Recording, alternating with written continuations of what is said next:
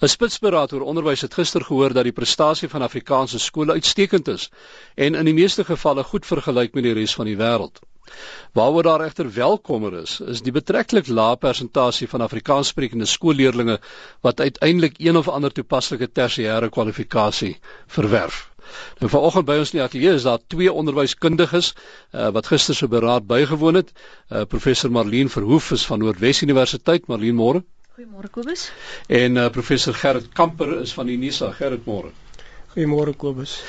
Kom ons begin by die begin. Uh daar is groot swartgalligheid onder baie mense. As jy praat van onderwys, dan sê hulle ons skole stort in duie, uh alles is sak en as uh en Afrikaanse skole trek aan die agterste uh, jy weet trek heeltyd in die agter uh, suig aan die agterste speen.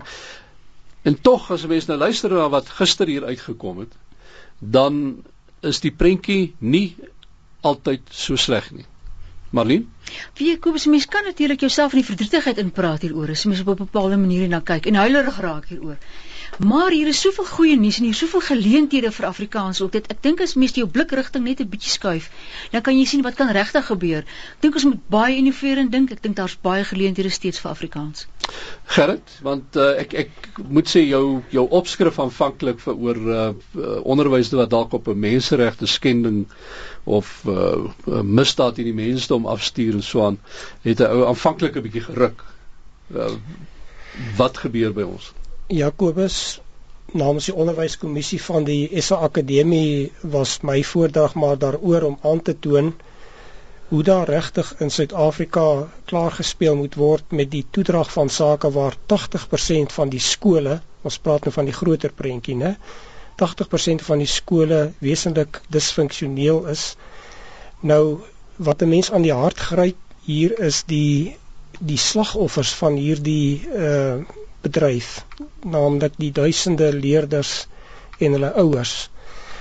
Uh en ek het probeer uitwys dat dit werklik afstuur op 'n morele dilemma, 'n uh, uh, 'n etiese onaanvaarbaarheid waar ouers en leerders niks kan doen aan wat aan hulle opgedis word nie. So my bydrae daar Kobus was maar die uh, die groter prentjie, die groter tafereel in Suid-Afrika hmm. die onderwystafereel waar binne Afrikaanse onderwys dan sy weg moet vind. Jy kan eintlik nie die twee heeltemal van mekaar hmm. afskei ook nie, nê, want uh, dit is ook 'n geval van uh, daar gaan een groep mense wees wat sit en kyk hoe 'n ander groep goed doen Ehm um, dit kan ook nie goed wees as hulle die hele tyd uh, moet moet swaar kry nie uh, en duidelik afgeskeep word nie. So uh, dit lyk vir my op een of ander manier gaan die die oplossing uiteindelik ook hier so 'n wisselwerking moet wees van een of ander aard. Dit is ononderhandelbaar dat hierdie geval moet wees. 'n wins vir die een gemeenskap moet absolute wins vir al die ander gemeenskappe in Suid-Afrika beteken. Hoe gaan se doen? Deur kreatief en innoverend te dink hieroor.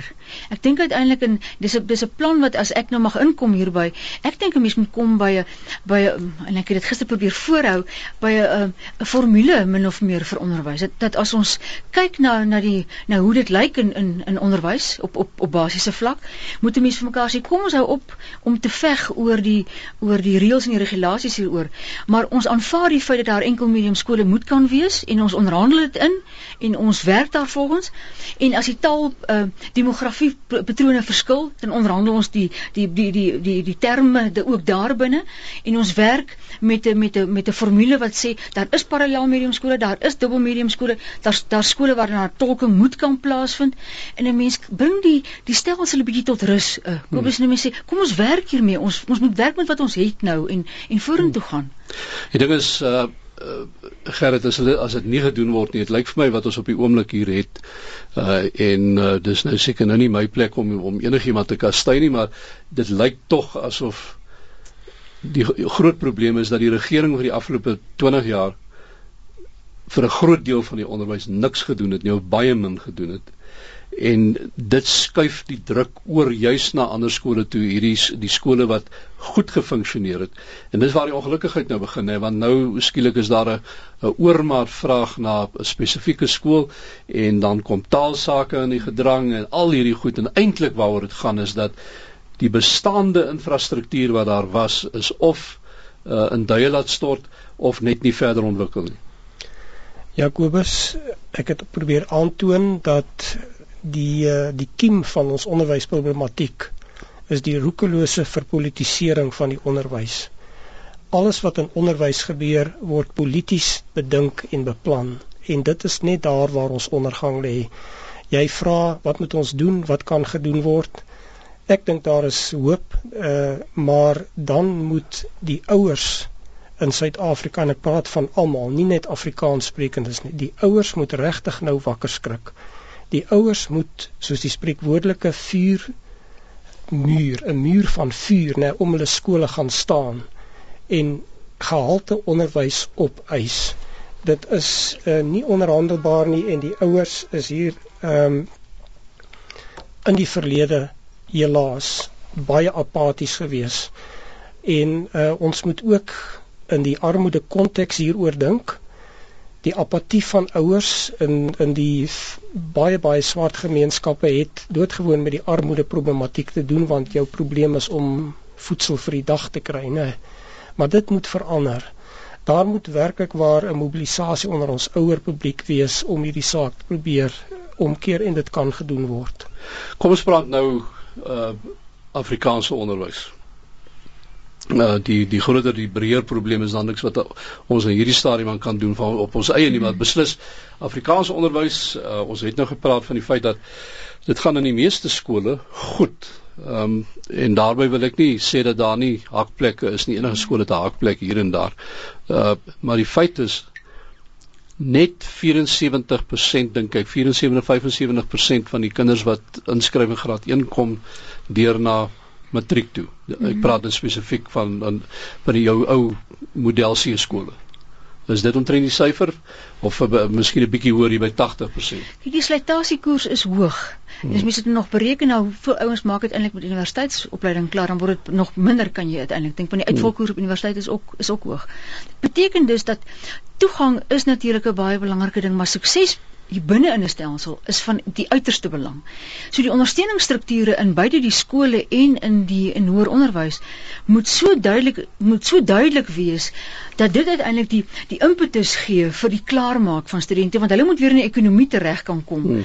Ek dink ons het wat dit betref 'n baie groot uitdaging. Hoe gaan ons by daardie uitdaging verbykom? Waar lê die oplossings hierso? Gert? Wel Kobus, ek kom maar terug by my uh stelling van nou net die die ehm um, die ouer die ouer bevolking moet regtig waar ehm um, as ek nou die leliker Afrikaanse woord mag gebruik inkoop in wat by die skole aangaan. Dit is helaas so dat baie ouers ehm um, en my vroue self 'n onderwyser is ek praat dus uh, amper eerstehands oor hierdie saak. Baie ouers het het nie ehm um, 'n konstruktiewe verhouding met hulle skool nie, eerder amper krities, nê.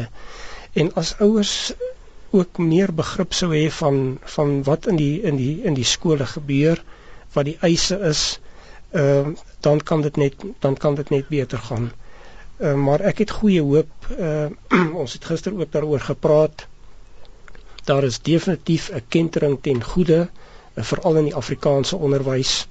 Uh, ek dink wat ek nou besig is om te sê is inderdaad besig om te gebeur uh, op grondvlak. Kobus, ek wil 'n taalhoek hier aangee. Ek dink mm. die hele ding rondom huistaal gebaseerde onderrig, is 'n ding wat ons nog nie genoeg en ek wil die groot woord geproblematiseer het in Suid-Afrika nie. As jy mens kyk na die korrelasie tussen akademiese sukses en huistaal gebaseerde onderrig, dan sien jy die die slytasie is minder. En dis 'n waarheid wat ons nog nie kon genoegsaam tuisbring nie die die opwaartse sosiale mobiliteit van Engels is nog net te groot dat beide Afrikaans sprekende en en Afrika taal sprekende ouers dink gou ek my kind in 'n Engelse skool kry hoe, hoe, hoe beter gaan dit eintlik sy sy sy geleenthede wees. Hmm. Ons maak 'n fout as ons dink hierdie goeie is kausaal aan mekaar verbind.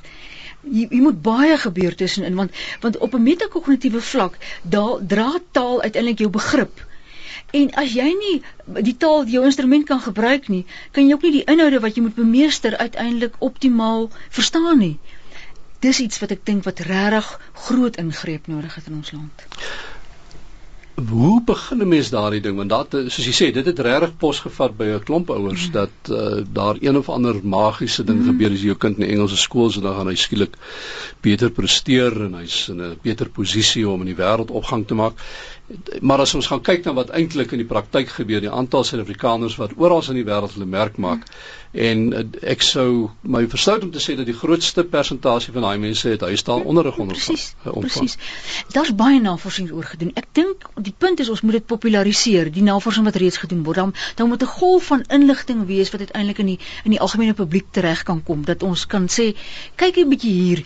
Hier's as jy as jy in jou huistaal onderrig word en jy jy maak uiteindelik later 'n skuif na Engels, want dit is 'n baie belangrike skuif wat gemaak moet word. Is die is die sukseskoers baie baie hoog, baie hmm. hoër van as van ouens wat uiteindelik inval in 'n Engelse bedeling in wat nie die basis het vir Engels nie en dan maar uitval langs die pad hmm. en ons doen ons ons doen ons ons samelewing, ons skoolgaande populasie baie groot onreg aan.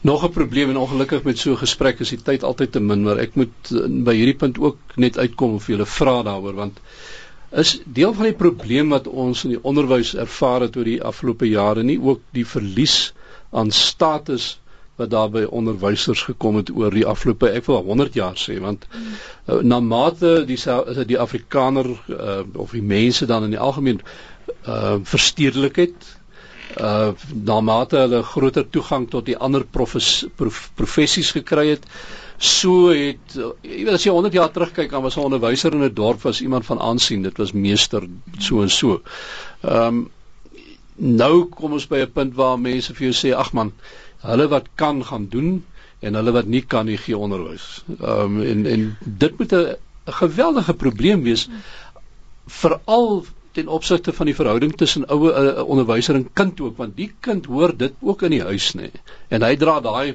houding tog regtig deur skool toe. Ek stem baie met jou saam. Gerrit? Ja, Kobus, hier moet ek nou eers weer uh, hou inkry na die uh, in die rigting van SADU die SA Demokratiese Onderwysersunie uh, wat met hulle spektakels elke dag besig is en onderwys grootskaals ontwrig op die huidige stadium waar ons hier praat weer eens is dit in die Oos-Kaap die geval. Nou goed ons praat ons fokus is nou op Afrikaanse onderwys maar ons is weer eens by die breër prentjie. SADU by name doen die onderwysprofessie ontsaglike skade aan. Jy praat oor status, jy Eh, ek meen mense sien dit hoe onderwysers, né? Hoe onderwysers te kere gaan op straat en en en hulle kan dit net doodgewoon nie assosieer met professionele mense nie. En 'n mens verstaan dit. Nou goed in in in ons uh, opset van van ehm um, SAOU en ander uh, het ons nou nie hierdie problematiek nie, maar weer eens ons ons woon en werk in die breër prentjie, né?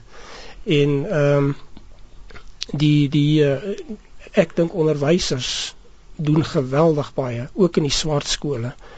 Ek doen in my eie navorsing werk in uitnemende skole in uh baie arm gebiede en hulle is daar. Dit is wonderlik wat daar gebeur. En die mense is professioneel en daar is 'n leerkultuur en dit gaan net uitstekend. Maar ehm um, die die die gedrag van uh, ons grootste onderwysunie in Suid-Afrika is maar net 'n groot vlieg in die salf in die huidige stadium ten opsigte van jou vraag oor status.